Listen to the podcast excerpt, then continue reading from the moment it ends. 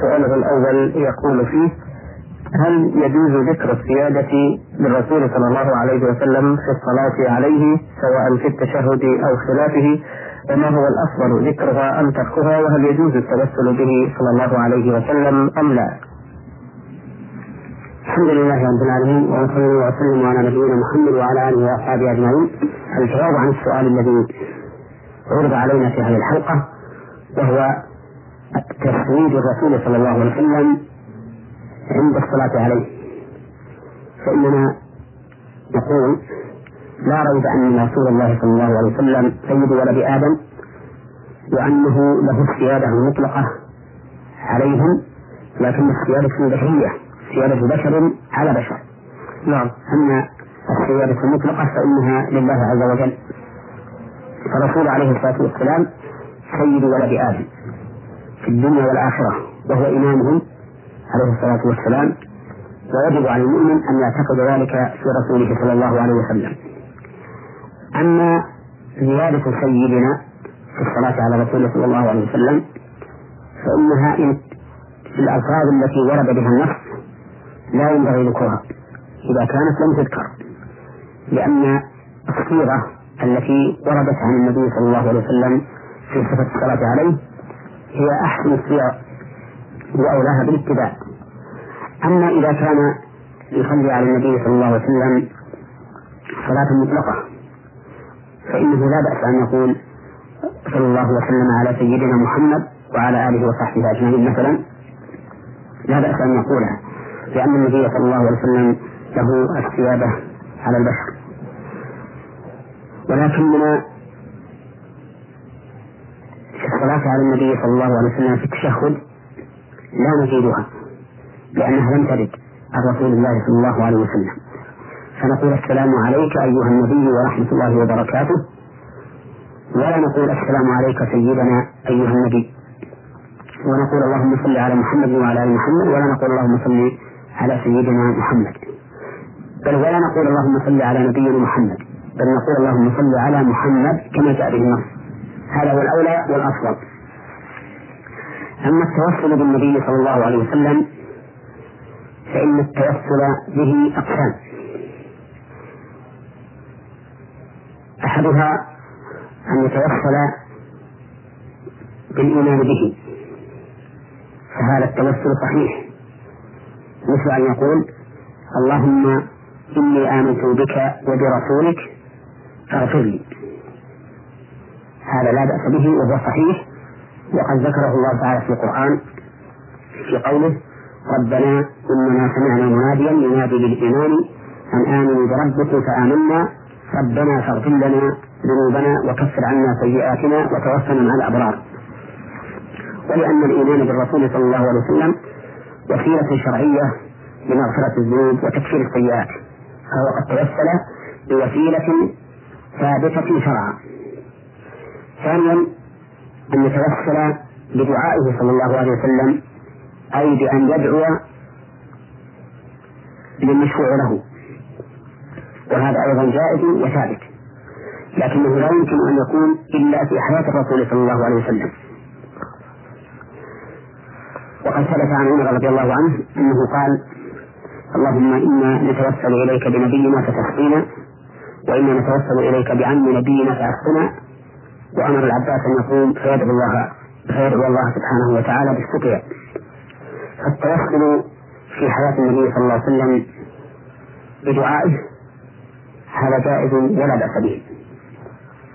القسم الثالث أن يتوسل بجاه الرسول صلى الله عليه وسلم سواء في حياته أو بعد مماته. فهذا توسل بدعي. لا يجوز. وذلك لأن جاه الرسول عليه الصلاة والسلام لا ينتفع به إلا الرسول صلى الله عليه وسلم. أما أنت بالنسبة إليك فإنه لا فإنك لا تنتفع به لأنه ليس من عملك. وشيء ليس من عملك لا ينفعك. وعلى هذا فلا يجوز للإنسان أن يقول اللهم إني أسألك بجاه نبيك أن تغفر لي أو أن ترزقني الشيء الفلاني. لأن الوسيلة لا بد أن تكون وسيلة والوسيلة مأخوذة من الوصل بمعنى الوصول إلى الشيء. فلا بد أن تكون هذه الوسيلة موصلة إلى الشيء وإذا لم تكن موصلة إليه فإن التوسل بها غير مجد ولا نافع. وعلى هذا فنقول التوسل بالرسول عليه الصلاة والسلام ثلاثة أقسام. أن يتوسل بالإيمان به واتباعه وهذا جائز في حياته وبعد مماته. أن يتوسل بدعائه أي بأن يطلب من الرسول صلى الله عليه وسلم أن يدعو له فهذا جائز في حياته لا بعد مماته لأنه بعد مماته متعذر. القسم الثالث أن يتوسل بجاهه ومنزلته عند الله. فهذا لا يجوز لا في حياته ولا بعد مماته لأنه ليس وسيلة إلى أنه لا يوصل الإنسان إلى مقصوده لأنه ليس من عمله. فإذا قال قائل لو جئت إلى الرسول عليه الصلاة والسلام عند قبره وسألته أن يستغفر لي أو أن يشفع لي عند الله هل يجوز ذلك أو لا؟ قلنا لا يجوز فإذا قال أليس الله يقول ولو أنهم إذ ظلموا أنفسهم جاءوك فاستغفروا الله واستغفر لهم الرسول فوجدوا الله توابا رحيما قلنا بلى إن الله يقول ذلك. ولكنه يقول ولو أنهم إذ ظلموا أنفسهم جاءوك. وإذ هذه ظرف لما مضى. وليس ظرفا للمستقبل. لم يقل الله تعالى ولو أنهم إذا ظلموا أنفسهم جاءوك فاستغفروا الله واستغفر لهم الرسول. بل قال إذ ظلموا. فالآية تتحدث عن أمر وقع في حياة الرسول عليه الصلاة والسلام. وحصل من بعض القوم مخالفة وظلم لأنفسهم. فقال الله تعالى ولو أنهم إذ ظلموا أنفسهم جاءوك فاستغفروا الله واستغفر لهم الرسول هذه ربما تتحدث عن غاية معينة أو عن و... واستغفار الرسول صلى الله عليه وسلم بعد مماته أمر متعجل نعم لأنه إذا مات العبد انقطع عمله إلا من ثلاث كما قال الرسول صلى الله عليه وسلم صدقة جارية أو علم ينتفع به أو من بعده أو ولد صالح يدعو له. فلا يمكن للإنسان بعد موته أن يستغفر. لأحد. بل ولا ولا يستغفر لنفسه أيضا لأن العمل انقطع. أثابكم الله. إذا على هذا لا يكون التوسل إلا مثلا بالإيمان بالرسول صلى الله عليه وسلم لكن هل نقيس عليه التوسل بأي عبادة من العبادات؟ كالتوسل مثلا بصلاة الإنسان أو بصومه أو بعمل من أعماله الصالحة؟ يتوسل به الله نعم لا بأس به. نعم. يقول اللهم مثلا اللهم لك صليت لك صمت لك حجيت وما أشبه ذلك فاغفر لي هذا لا بأس به لأن هذه الأعمال من أسباب المغفرة. نعم. بارك الله فيكم. سؤاله الثاني يقول آه، هل تجوز زيارة الأضرحة إذا كنت معتقدا أنها لا تضر ولا تنفع؟ ولكن اعتقادي في ذلك في الله وحده. ولكن لما سمعناه من أن هذه الأمكنة طاهرة ويستجيب الله لمن دعا فيها؟ زيارة الأضرحة يعني القبور سنة لكنها ليست لدفع حاجة الزائر وإنما هي لمصلحة المزور أو لاتعاظ الزائر بهؤلاء وليست لدفع حاجاته أو حصول مطلوباته. فزيارة القبور اتعاظا وتذكرا بالآخرة وأن هؤلاء القوم الذين كانوا بالأمس على ظهر الأرض يأكلون كما نأكل ويشربون كما نشرب ويلبسون كما نلبس ويسكنون كما نسكن الآن هم رهن أعمالهم في قبورهم.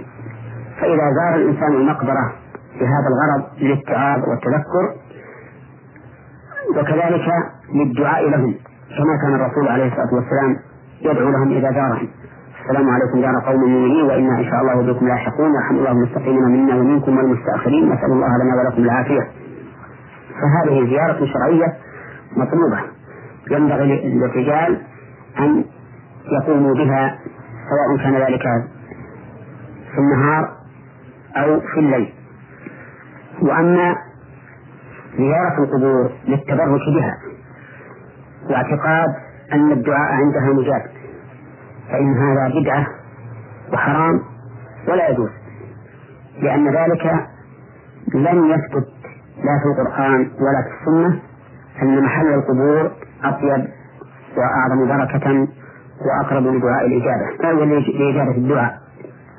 وعلى هذا فلا يجوز قصد القبور في هذا الغرض. ولا ريب أن المساجد خير من المقبرة وأقرب إلى إجابة الدعاء وإلى حضور القلب وخشوعه. السؤال الثالث يقول هل يجوز لي أن أعطي نصيبا من زكاة المال لكل من أخي أو أختي أو عمي أو عمتي أو خالي أو خالتي مع العلم أنهم ليسوا مساكين أو فقراء بالمعنى الصحيح؟ لا يجوز أن تعطي هؤلاء شيئا من الزكاة إذا لم يكونوا من أهل الزكاة. ولا يجوز أن تعطي غيرهم أيضا من الزكاة إذا لم يكونوا من أهل الزكاة.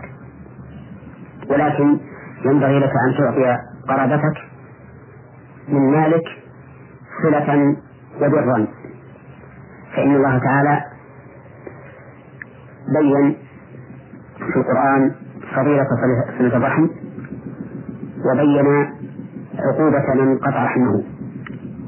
فصلة أرحامك بما جرت به العادة من مال أو خدمة أو جاه أمر مطلوب شرعا. وأما أن تعطيهم حقا لا يستحقونه من الزكاة فإن هذا حرام عليك ولا يسيئك نعم له سؤال أخير يقول فيه يوجد في بلدتنا بعض الناس يسجدون سجدتين عقب كل صلاة مباشرة بعد أن يسلموا تسليم الصلاة. وعند سؤالهم عن ذلك أجابوا أنهم يسجدون السجدة الأولى شكرا لله على توفيقه لهم أن أدوا الصلاة المكتوبة في جماعة. وأما السجدة الثانية فهي شكر على الشكر. فهم يزعمون أن هذا العمل أصل في السنة. فهل صحيح قولهم هذا؟ لا. على قياس قولهم أنهم إذا سجدوا السجدة الثانية يجب أن يسجدوا سجدة ثالثة. لشكر شكرا لله على شكره. نعم. ثم يسجدوا سجدة رابعة وهكذا ويبقون دائما في السجود. إلى ما نهاية نعم. و... ولكنني أقول إن هذا إن هاتين السجدتين بدعتان. وأنه لا يجوز للإنسان أن يتعبد لله بما لم يشرعه. كقوله صلى الله عليه وسلم من عمل عملا ليس عليه أمرنا فهو رد وهاتان السجدتان لا شك أنهما غير مشروعتين. والواجب عليهم الانتهاء عن ذلك والكف عنه والتوبة إلى الله سبحانه وتعالى مما وقع منهم سابقا. والله تعالى يتوب على من تاب. جزاكم الله خيرا. هذا سؤال من المستمع ألف حاء الحارثي. يقول أنا رجل متزوج من امرأتين إحداهما وهي الأولى حصل بينها وبين والدتي سوء تفاهم. فسمعتها وهي تتكلم عليها بكلام قبيح فقلت لها جعلتك مثل أمي أو أختي. وذهبت إلى بيتها وقد حاولت استرجاعها ولكنها تشترط علي فصلها عن أمي في السفن فما الحكم أولا في قولي لها وهل يجوز استرجاعها وألبي طلبها بفصلها عن والدتي؟ وما العمل إن كنت لا أستطيع ذلك ماديا؟ أما قولك جعلتها مثل أمي فهذا حرام ولا يجوز لك. نعم. فإن الله تعالى قال الذين يظاهرون منكم نسائهم ما هن أمهاتهم؟ إن أمهاتهم إلا اللائي ولدنهم. وإنهم لا يقولون منكرا من القول وزورا فعليك أن تتوب إلى الله من هذا الكلام. وإذا أردت أن ترجع إلى زوجك فإنك لا تقربها حتى تقوم بما أوجب الله عليك من الكفارة. نعم. تعتق رقبة إن أمكن ذلك وإلا تصوم شهرين متتابعين قبل أن تمسها فإن لم تستطع الصيام تطعم ستين مسكينا كما قال الله تعالى في سورة المجادلة. وأما بالنسبة لرجوعها إليك وفصلها عن أمك فإنه إذا لم تستقم الحال بينها وبين أمك وصار بينهما نكد وتعب فلا حرج عليك أن تفصلها عن أمك. وفي هذه الحال تؤدي ما أوجب الله عليك من جزء أمك وتؤدي ما أوجب الله عليك من معاشرة زوجتك بالمعروف. ولكن العاقل ينظر هل الخطأ من الأم أو الخطأ من الزوجة ويحاول الإصلاح بقدر المستطاع قبل أن ينفصل. فإذا لم يمكن الإصلاح فإن لك الحق في أن تفصل زوجك من أمك. وأقول زوجك لأن هذه هي اللغة الفصحى التي جاء بها القرآن والتي جاءت فيها السنة وهي مقتضى اللغة العربية. وإن كان اللغة المعروفة عند الناس أن الأنثى يقال لها زوجة بالتاء نعم. أحسن الله إليكم. أيها الأخوة صلى الله عليه وسلم أن يؤمر بالتوجه إلى الكعبة فيقلب وجهه في السماء ترقبا لنزول جبريل بذلك. فأنزل الله تعالى قد نرى تقلب وجهك في السماء فلنولينك قبلة ترضاها فولي وجهك شطر المسجد الحرام. إلى آخر ما ذكره الله سبحانه وتعالى في هذا الموضوع. فتوجه النبي صلى الله عليه وسلم إلى الكعبة. فكان اليهود ينتقدون ذلك. وهو أنه اتجه أولا إلى بيت المقدس ثم اتجه ثانيا إلى الكعبة. فبين الله تعالى أن الاتجاه إلى المشرق أو المغرب ليس هو البر ولكن البر طاعة الله سبحانه وتعالى والإيمان به. ولكن البر من آمن بالله واليوم الآخر والملائكة والكتاب والنبيين إلى آخر الآية. والمعنى ولكن البر هو بالإيمان بالله واليوم الآخر والملائكة والكتاب والنبيين الإيمان الذي يستلزم امتثال أمر الله تعالى واجتناب نهيه. فهذا هو حقيقة البر. نعم. بارك الله فيكم. سؤال ثاني يقول ما الفرق بين الغيبة والبهتان؟ وما حكمهما؟ وماذا يفعل من عزم على التوبة منهما؟ الغيبة فسرها رسول الله صلى الله عليه وسلم بقوله ذكرك أخاك بما يكره. نعم.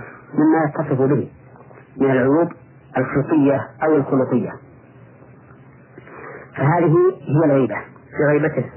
أن تذكر أخاك نعم. بما يكره. في غيبته ولهذا قيل لها غيبة. وأما إذا ذكرته يكره في مقابلته فإنه يسمى خدا وشتما. وهذا إذا كان المذكور متصفا بما قلت فيه. أما إذا كان غير متصف فإنه يكون بهتانا أي كذبا. ولهذا قيل للرسول عليه الصلاة والسلام أرأيت إن كان في أخي ما أقول؟ قال إن كان فيه ما تقول فقد اغتبته وإن لم يكن فيه ما تقول فقد بهته إذا فالفرق بين الغيبة والبهتان. أن الغيبة أن يكون الرجل الذي وقعت عليه الغيبة متصفا بما ذكر فيه. نعم. وأما البهتان فأن يكون غير متصف بما فيه بل يبهت به ويكذب عليه فيه. فتكون إذا مركبة من غيبة وبهتان نعم. نعم. ماذا يعمل من أراد التوبة منهما؟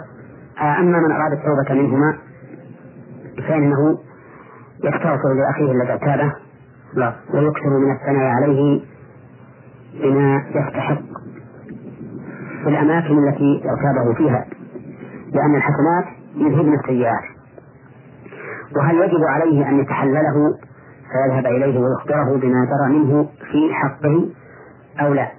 نعم قال بعض أهل العلم إنه يجب عليه أن يذهب إليه ويتحلله لأنه يخشى أن يصل إليه العلم فيما بعد. كان يطلب منه السماح نعم. يطلب منه السماح وقال بعض أهل العلم إنه إن كان أخاه قد علم بارتيابه فإنه يجب عليه أن يذهب إليه ويتحلله أي يطلب منه السماح وإن كان لم يعلم فإن الأولى أن لا يخبره. لأنه ربما لو أخبره لركب رأسه ولم يسمح له وحصل بينهما عداوة وبغضاء فيكون هو السبب في إثارة هذه العداوة والبغضاء وهذا القول هو, الراجح. أنه لا يخبره بل يستغفر له ويثني عليه بما يستحق في المجالس التي يتابع فيها. اللهم إلا إذا كان يخشى أن يصل إليه العلم أو نحو ذلك من الأمور التي تحتاج إلى استحلال فإنه لا بد أن يستحلها. نعم. جزاكم الله خيرا. هذا سؤال من المستمع سين صاد كاف مصري مقيم بالمملكة العربية السعودية. يقول في سؤاله الأول بعد عقد القران وقبل الدخول على زوجتي حلفت بالطلاق للإقلاع عن عادة سيئة كنت أمارسها بقولي تكون امرأتي طالقا إذا عدت إليها ولكنني رجعت إليها مرة أخرى واستمرت حياتنا الزوجية كالعادة. كما الحكم في هذه اليمين مع العلم أنه كان بيني وبين نفسي دون علمها ولا علم وليها. وعند البداية للحلف بالطلاق هذا كانت النية ليست بغرض الطلاق ولكن للإقلاع عن هذه العادة. وسبب استمراري في حياتنا الزوجية أنني أجبت بأن اليمين ما دام ليس أمامها فلا يقع. راجيا زيادة الإطمئنان والإفادة منكم أفادكم الله وجزاكم عنا أحسن الجزاء. هذا السؤال أقدم له مقدمة وهي أنه قد كثر من الناس في الآونة الأخيرة الحلف بالطلاق.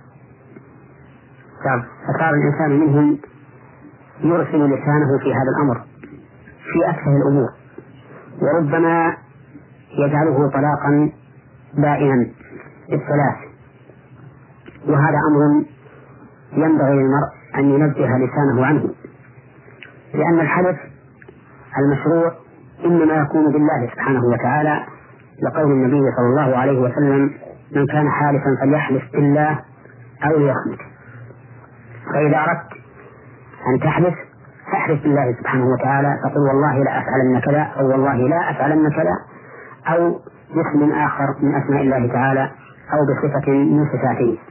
أما أن تحلف بالطلاق أو بالعتق أو بغير ذلك فإنه خلاف ما أمر به النبي صلى الله عليه وسلم. فنصيحتي لإخواننا أن لا يصلوا ألسنتهم بمثل هذه اليمين ثم أعود لأجيب السائل عن سؤاله.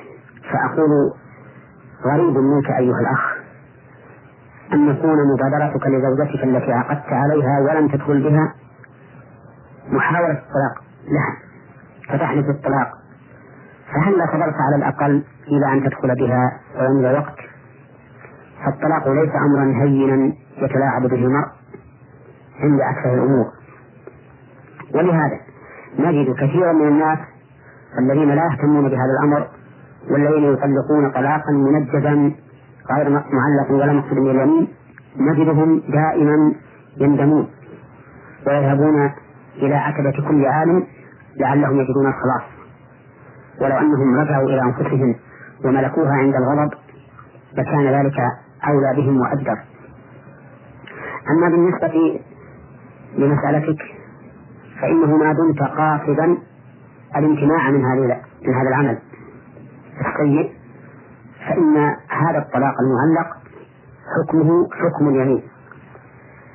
إذا خالفت ما حلفت عليه وجب عليك كفارة يمين وهي عتق رقبة أو إطعام عشرة مساكين أو كسوتهم فإن لم تجد فصيام ثلاثة أيام متتابعة. ولا فرق بين أن تقول ذلك وزوجتك لم تسمع أو تقول ذلك وهي أمامك تسمع. لا فرق. نعم وإفتاء من أفتاك بأنه حيث كان بينك وبين نفسك لم تواجه الزوجة فإنه يكون يمينا هذه الفتوى فيها نظر. لأنه لا فرق إذا قصدت اليمين بين أن تقولها لزوجتك مواجهة أو تقولها في مكان لا يسمعك أحد أو تقولها في مكان سمعك غير الزوجة. هذا الحكم فيما إذا كان كلامه لنفسه مع نفسه كلاما منطوقا. نطق به. نعم نعم. نطق به وأنما حدث به نفسه فإنه لا يؤخذ به. لقول النبي صلى الله عليه وسلم إن الله تجاوز عن أمتي ما حدثت به أنفسها ما لم تعمل أو تتكلم.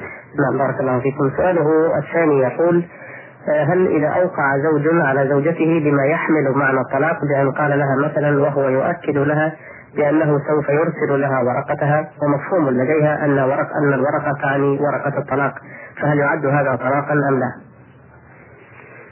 إذا قال الزوج سأرسل ورقة طلاق أو سأطلقك نعم أو الورقة إجمالا نعم. أو الورقة التي يفهم منها ورقة الطلاق نعم. فإن هذا وعد بالطلاق وليس إيقاعا له ولا يقع عليه بذلك طلاق. فلو أراد أن يرجع عن نيته هذه فلا حرج عليه. أما إذا قال لزوجته قد طلقتك وتأتيك ورقة الطلاق فيما بعد فإن الطلاق يقع. وإذا كتب الطلاق عند المأذون أو غيره ممن تعتمد كتابته وقال له اكتب بأني طلقت زوجتي فلانة بنت فلان. فإن هذا الأمر بكتابة الطلاق لا يعد طلقة ثانية. لأنه يراد به كتابة طلاق قد وقع منه ومضى فهو خبر عن أمر قد وقع فلا تكون طلقة واحدة لأنه يفرق بين الإخبار عن الطلاق وبين إنشاء الطلاق آه، سؤاله الأخير يتعلق بالوضوء يقول هل يشترط في الوضوء تسمية الصلاة التي سيصلى آه، به أن يصلى به حتى ينتقض وضوءه ولو كان لأكثر من صلاة؟ لا يشترط أن يسمي الصلاة التي توضأ لها. نعم. يعني لا يشترط أن ينويها وكذلك لا ينطق بها بلسانه كما هو معروف أن النطق بالنية ليس من الأمور المستحبة. لكن إذا توضأ لصلاة الظهر مثلا فله أن يصلي الظهر ويتنفل بهذا الوضوء وله أن يصلي العصر والمغرب والعشاء ما دام على وضوئه. نعم. ولا حاجة إلى تعيين الصلاة. كما أنه لو توضأ بنية رفع الحدث بدون أن ينوي صلاة أو غيرها فإنه يرتفع حدثه وله أن يصلي به ما شاء. ولو سمى لا يتقيد بالتسمية؟ نعم ولو سمى لا يتقيد بالتسمية. مثلا لو نوى بوضوءه صلاة الظهر مثلا يجوز له أن يصلي العصر والمغرب. نعم. نعم. بارك الله فيكم. آه هذه رسالة بعثت بها الأخت في ميم من جدة. في رسالتها تشكو من زوجها الذي تزوجها منذ ما يقارب 35 سنة وقد أنجبت له الأولاد والبنات ولكنه بعد هذه العشرة الطويلة تنكر لها وأصبح يعاملها معاملة سيئة وهجرها من الكلام والمجالسة ومن كل شيء. وقد حاولت أن تكسب رضاه ولكنه يرفض كل تودد منها وتقرب إليه ويصر على رفضه لها وعدم تلبيته لطلباتها فهي تسأل عن الحكم فيما لو تركته وذهبت إلى أهلها علما أنه تزوجها وهي يتيمة وبدون رضاها أيضا ولكنها صبرت عليه وعاشت معه رغم كل ذلك السنين الطويلة.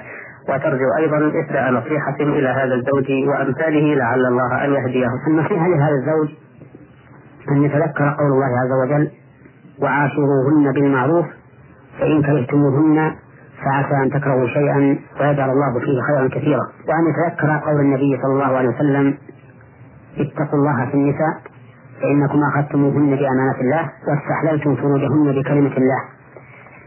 وعليه إذا كان قد هجرها لسبب يظنه مبيحا للهجر أن يحاول إصلاح الأمر ببيان السبب لها من أجل معالجته. وأما أن يكف عنها هكذا فليس هذا من العفة بالمعروف. أما بالنسبة لها فإنه يجب عليها أن تصبر على ما حصل من زوجها وأن تتقي الله سبحانه وتعالى في أولادها.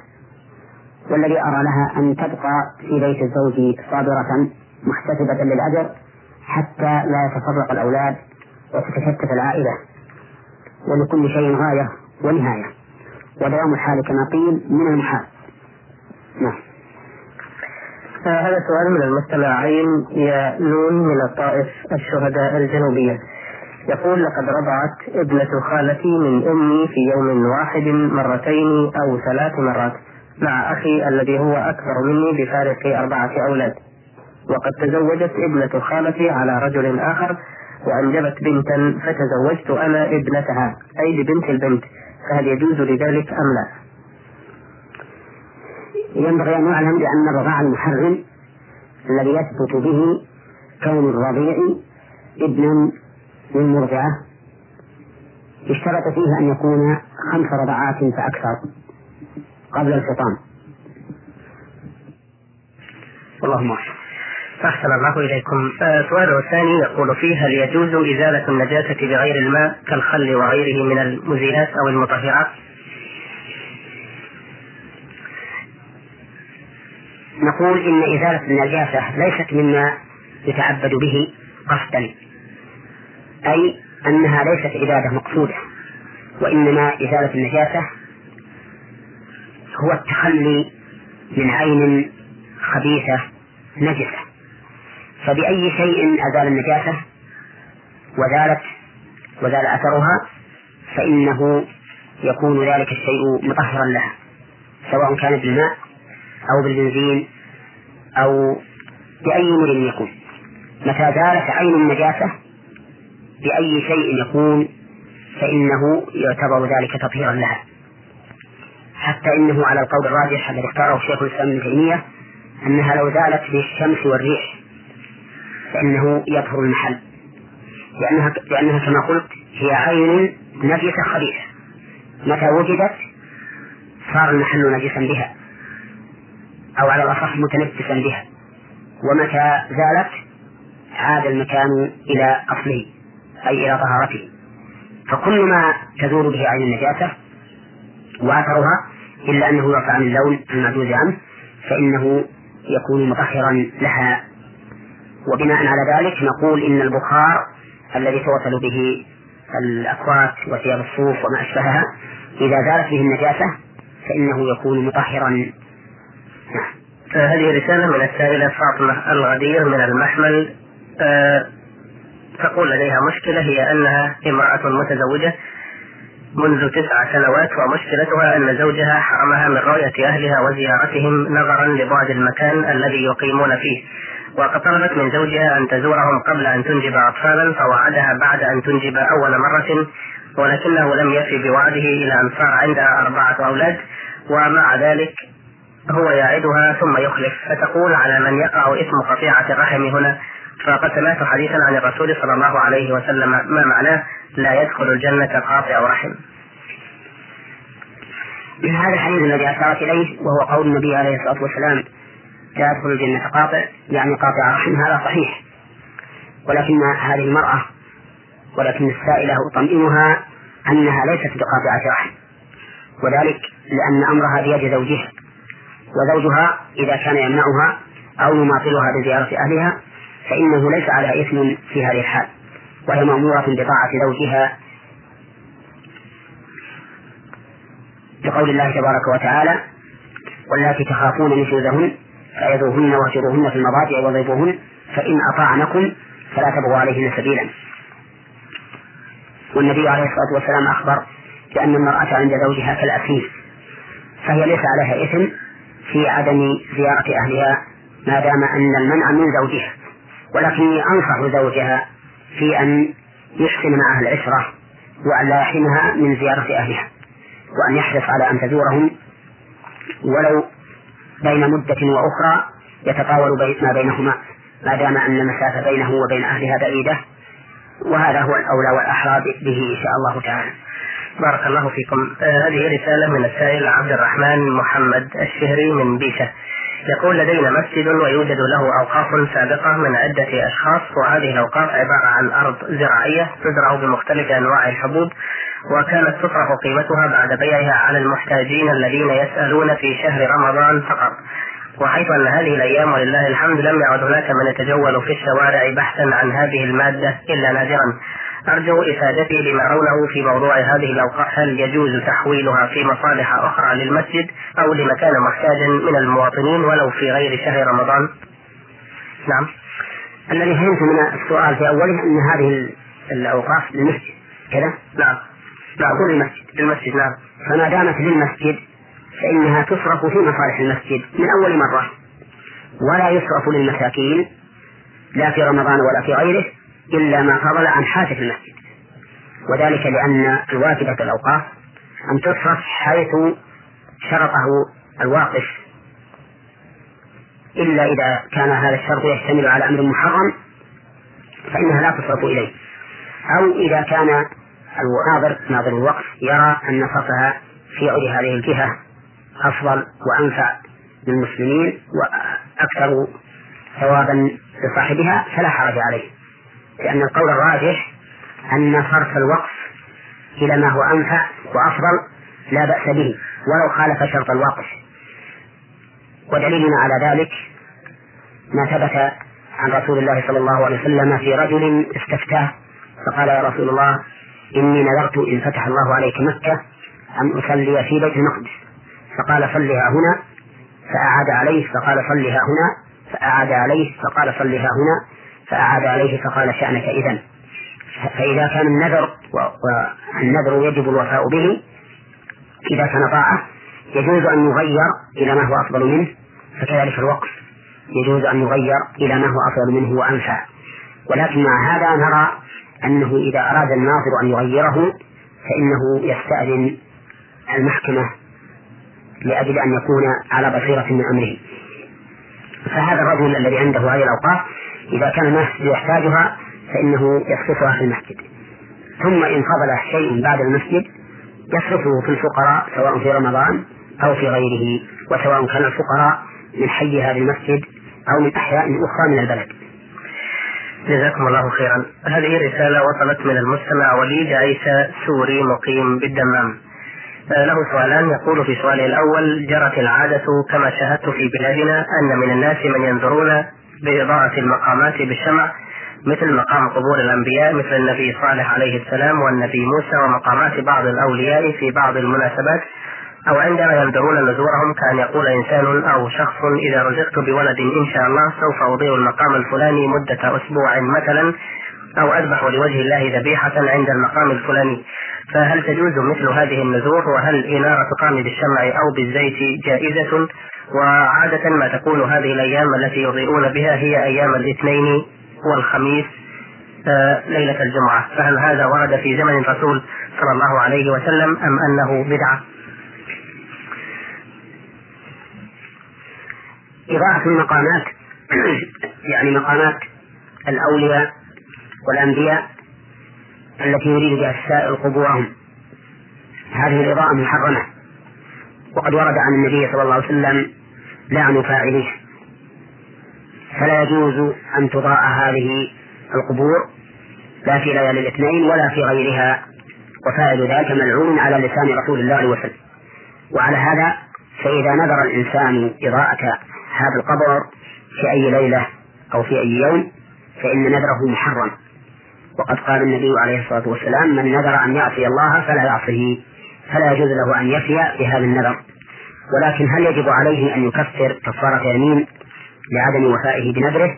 أو لا يجب؟ محل خلاف بين أهل العلم والاحتياط أن يكفر كفارة يمين عن عدم وفائه بهذا النذر.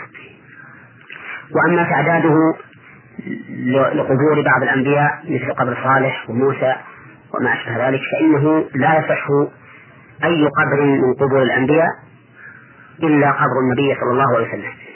فإن الأنبياء لا من قبورهم. وقد قال النبي عليه الصلاة والسلام في قبر موسى إنه كان عند عند الكثيب الأحمر قريبا من البلاد المقدسة. قال ولو كنت ثم لأرأيتكم إياه وليس معلوما مكانه الآن. وكذلك قبر إبراهيم الخليل عليه الصلاة والسلام ليس معلوم مكانه. وكذلك بقية الأنبياء لا يعلم مكان قبورهم إلا النبي صلى الله عليه وسلم فإن مكان قبره معلوم. دفن في بيته في حجرة عائشة رضي الله عنها. وعلى هذا فنقول الأخ لا يجوز لك أن تضيء هذه القبور لا بنذر ولا بغير نذر. وأقبح من ذلك وأشد الذبح عندها فإن الذبح عندها أعظم من إخراجها. لا سيما إن قصد بالذبح التقرب إلى صاحب هذا القبر فإنه إذا قصد ذلك صار مشركا شركا أكبر مخرجا عن الملة لأن الذبح من عبادة الله عز وجل. وصرف شيء من أنواع العبادة لغير الله كفر مخرج عن الملة. بقي من وقت الحلقة دقيقتان لعلها تكفي للإجابة على سؤاله الآخر يقول فيه آه، التلقين متى يكون وقته عند الاحتضار أم بعد الموت أو عند إدخاله اللحد؟ عندما يدخل الميت القبر ثم يضعون عليه التراب ويجتمع الناس حول القبر ويأتي الشيخ ويقرأ آيات من القرآن ثم يلقنه في هذه اللحظة. فهل هذا جائز؟ التلقين إنما يكون عند الموت. عند الاحتضار يلقن لا إله إلا الله كما فعل النبي عليه الصلاة والسلام عند موت عمه أبي طالب حيث حضر فقال قل يا عم لا إله إلا الله كلمة أحاج لك بها عند الله ولكن عمه أبا طالب والعياذ بالله لم يقل هذا ومات على الشرك. وأما التلقين بعد الدفن فإنه بدعة لعدم ثبوت الحديث عن النبي صلى الله عليه وسلم في ذلك ولكن الذي ينبغي أن يفعل ما رواه أبو داود حيث كان النبي عليه الصلاة والسلام إذا فرغ من دفن الميت وقف عليه وقال استغفروا لأخيكم واسألوا له التثبيت فإنه الآن يسأل. وأما القراءة عنده أو تلقينه فهذا بدعة ولا أصل له. جزاكم الله خير الجزاء. نعم أعني عند القبر قصدي. أما أما عند الموت فإنه يلقن كما قلت. جزاكم الله خير الجزاء. قول توضأت أمام شخص فغسلت يدي إلى منتصف العضدين ورجلي إلى منتصف الساقين فأنكر علي فعلي هذا بقوله من زاد في غسل الأعضاء في الوضوء فقد تعدى حد الله ورسوله فقلت له إنه ورد حديث عن النبي صلى الله عليه وسلم ما معناه؟ أنه قال تدعى أمتي يوم القيامة غرا محجلين من آثار الوضوء فمن استطاع منكم أن يطيل غرته فليفعل فقال هذا الحديث لم يثبت عن النبي صلى الله عليه وسلم. أرجو إفادتنا عن ذلك ولكم جزيل الشكر. الحمد لله رب العالمين. وأصلي وأسلم على نبينا محمد وعلى آله وأصحابه أجمعين. أما ما ذكره من الحديث فهو صحيح ثبت في الصحيحين وغيرهما من حديث أبي هريرة أن النبي صلى الله عليه وسلم قال إن أمتي يدعون يوم القيامة غرا محجلين من أثر الوضوء. نعم. وهذا ثابت لا شك فيه. فأما قوله فمن استطاع منكم أن يطيل غرته وتحجيله فليفعل فقد اختلف فيه أهل العلم بالحديث. فمنهم من قال إنه من كلام النبي صلى الله عليه وسلم ومنهم من قال إنه من كلام أبي هريرة ورجح هذا ابن القيم رحمه الله في كتابه النونية حيث قال وأبو هريرة قال لا من كيسه فغدا يميزه أولو العرفان.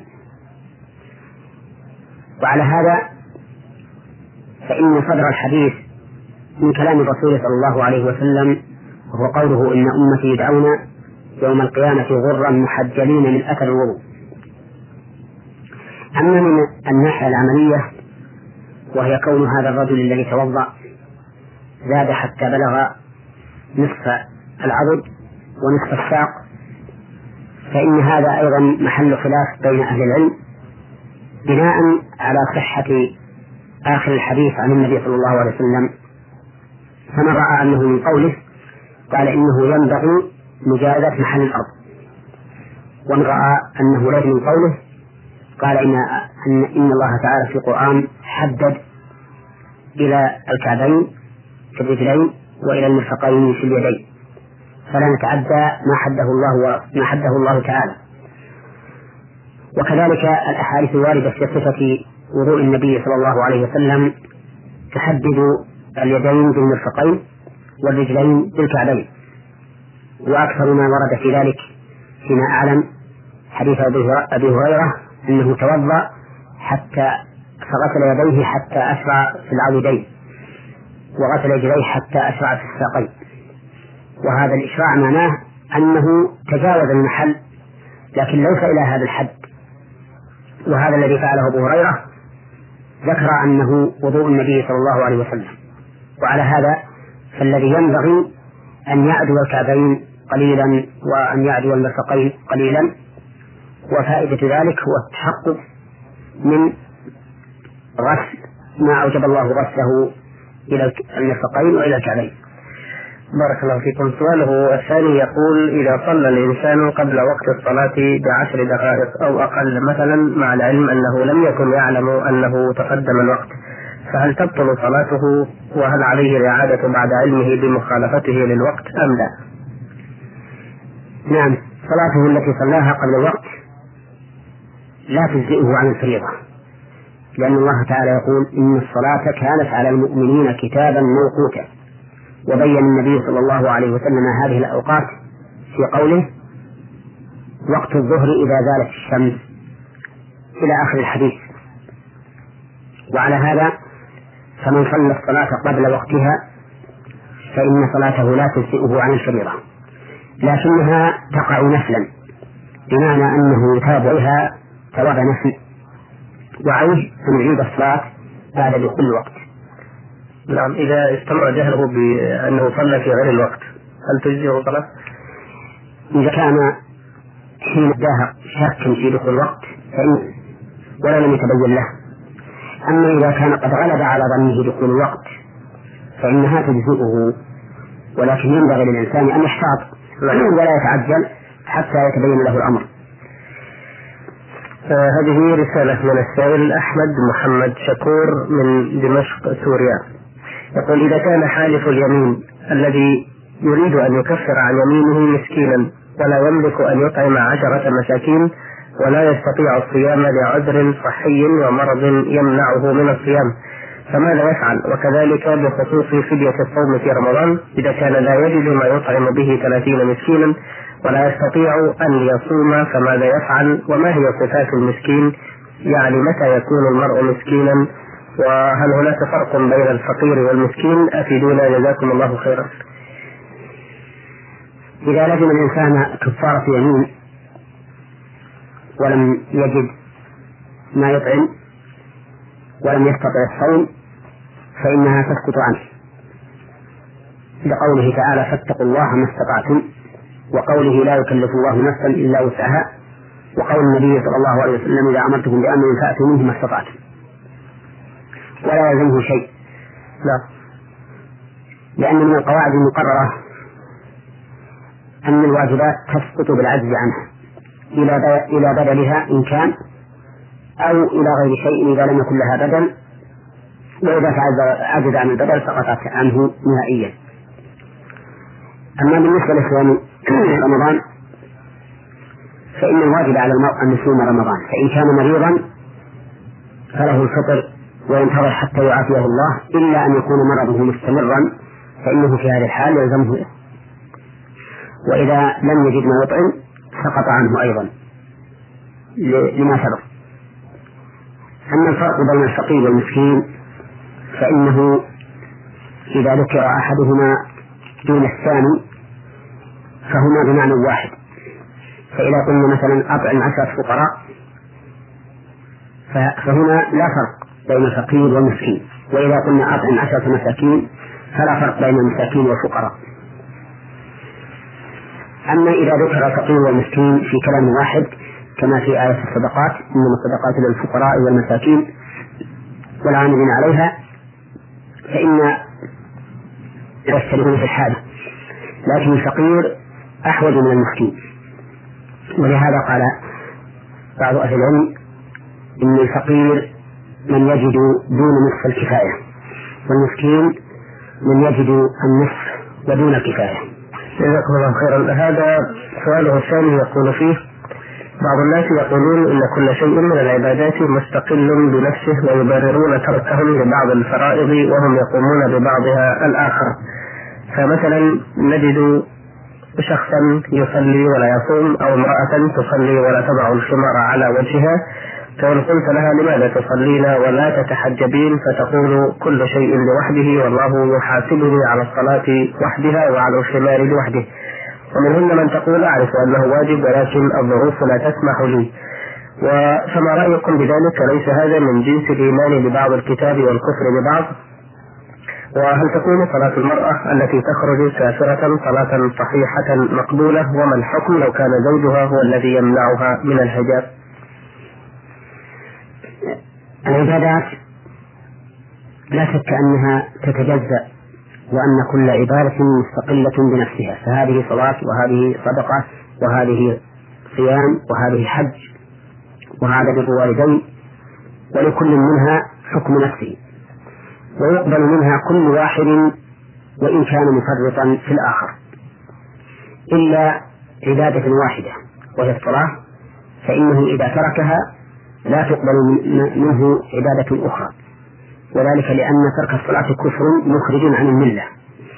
وإذا كان كفرا مخرجا عن الملة فإن الكافر لا تقبل منه عبادة. لقوله تعالى وما منعهم أن تقبل منهم نفقاتهم إلا أنهم كفروا بالله وبرسوله. أو ورسوله نسيت. إنما غير الصلاة إذا ترك عبادة وفعل عبادة أخرى فإنها تقبل منه التي فعلها إذا كانت على الوجه الشرعي. وإن كان متهاونا بالعبادة الثانية. إلا إذا كان تركه للعبادة الثانية ترك تكذيب وجحود وهي مما يخرج عن الملة جحوده فحينئذ لا يقبل منه. لا تقبل منه العبادات الأخرى لما ذكرناه قبل قليل. وأما بالنسبة للمرأة التي تصلي وهي لا لا تحتجب الحجاب الشرعي والحجاب الشرعي هو تغطية الوجه واليدين ومواضع الفتنة من المرأة. فإن صلاتها تكون صحيحة وهي آثمة بترك الحجاب الشرعي. وإذا كان زوجها يأمرها بأن لا تحتجب فإنه لا طاعة له. ويجب عليها معصيته في طاعة الله لأنه لا طاعة لمخلوق في معصية الخالق. والله ورسوله أحق أن يروه إن كانوا مؤمنين. وفي هذه الحال إذا عصته فإنه لا يحل له أن يقص في شيء من واجباتها بناء على هذه المعصية بحجة أنها نشذت بمعصيتها إياه. لأن هذا ليس من النشوز فإن معصية المرأة زوجها في طاعة الله سبحانه وتعالى ليس من النشوز في شيء بل ينبغي للمرء أن تكون زوج أن تزيد زوجته غلاء في قلبه إذا كانت عصته في طاعة الله سبحانه وتعالى. أي من أجل طاعة الله. أحسن الله إليكم. هذا سؤال من المستمعة فتاة من الأردن الزرقاء. تقول عمرها خمسة وعشرون عاما. فمنذ صغرها وهي تطلب للزواج ولا يحصل نصيب لا يكون ذلك برفض منها ولكنها لا تدري ما هو السبب.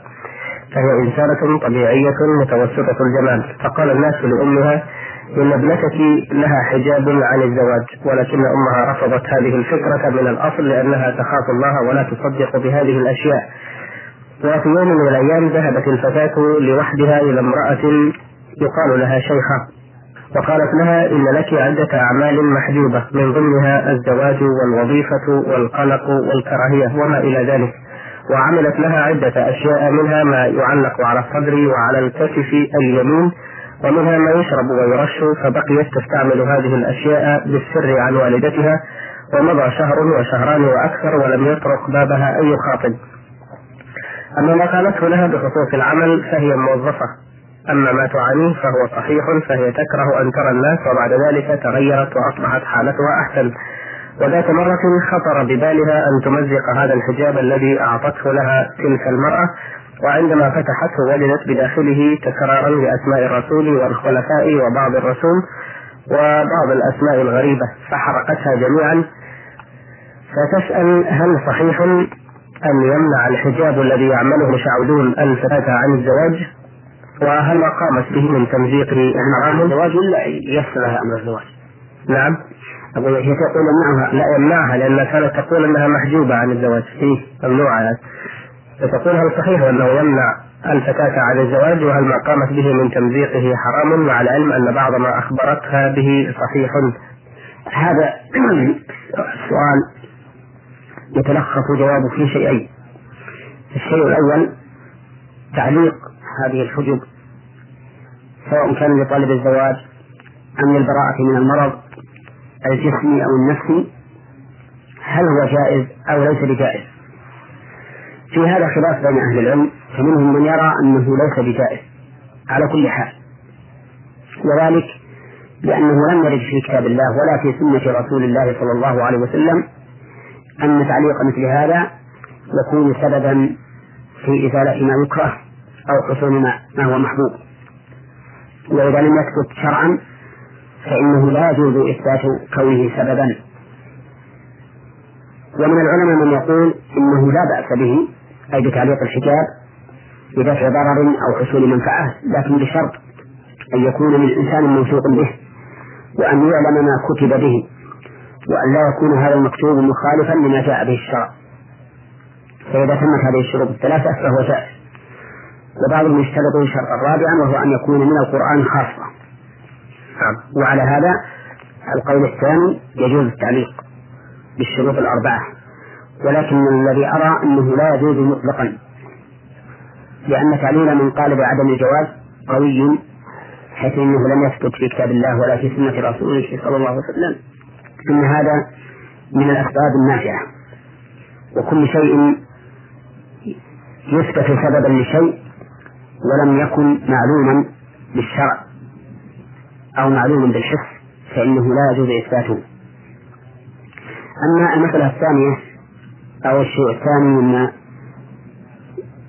يتضمنه جوابنا هذا على سؤال المرأة فإن هذا الذي عملته في هذا الحجاب من المعروف وهو عمل طيب بل يجب عليها إذا كانت لا تدري ما الذي فيه أن تكشف عنه. فإذا رأت فيه مثل ما ذكرت أسماء الرسول صلى الله عليه وسلم وأسماء الخلفاء وبعض الرسول فإنه لا يجوز تعليقه لأن هذا شيء غير مؤكد بالتأكيد. وإذا رأت فيه قرآنا فإنه ينبني على الخلاف الذي ذكرناه قبل قليل والذي نرى أيضا أنه لا يجوز تعليقه. فإذا كان قرآنا فهناك طريقان إما أن تدفنه في محل نظيف وإما أن تخرقه وتدقه بعد إحراقه حتى يتلافى نهائيا. وبهذه المناسبة أود أن أحذر إخواننا من التردد على أولئك الناس الذين يكتبون هذه الأحراف وهذه الحجب وحالهم لا تعلم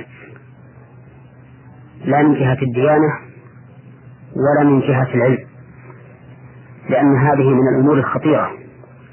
وكون الإنسان إذا فعلها يتأثر ويجد خفة قد لا يكون ذلك من جراء هذا العمل. قد يكون الله تعالى قد أذن ببرئه أو شفائه وصادف أن يكون عند هذا الشيء لا به. وأيضا فإنه من المعلوم نفسيا أن الإنسان إذا شعر بشيء فإنه يتأثر به جسمه. إذا شعر بشيء نفسيا فإنه يتأثر به جسمه. حتى إن الإنسان كما هو مشاهد إذا كان غافلا عما به من مرض فإنه لا يحس به. فإذا التفت في فكره إليه أحس به. هذا الرجل يكون مشتغلا بتحميل عفشه مثلا فيدرحه مسمار أو زجاجة تجده لا يحس بها حين اشتغاله بالعمل. فإذا تفرغ فإنه يحس به لأنه جعل فكره إليه. والمهم أن ننصح إخواننا عن هذه الطرق التي لا يعلم من سلكها ولا يعلم ما في ما فيها من مكتوب والإنسان ينبغي له أن يعلق قلبه بالله عز وجل ويتبع ما جاء عن النبي صلى الله عليه وسلم في الاستشهاء بالقرآن والدعاء. جزاكم الله خير الجزاء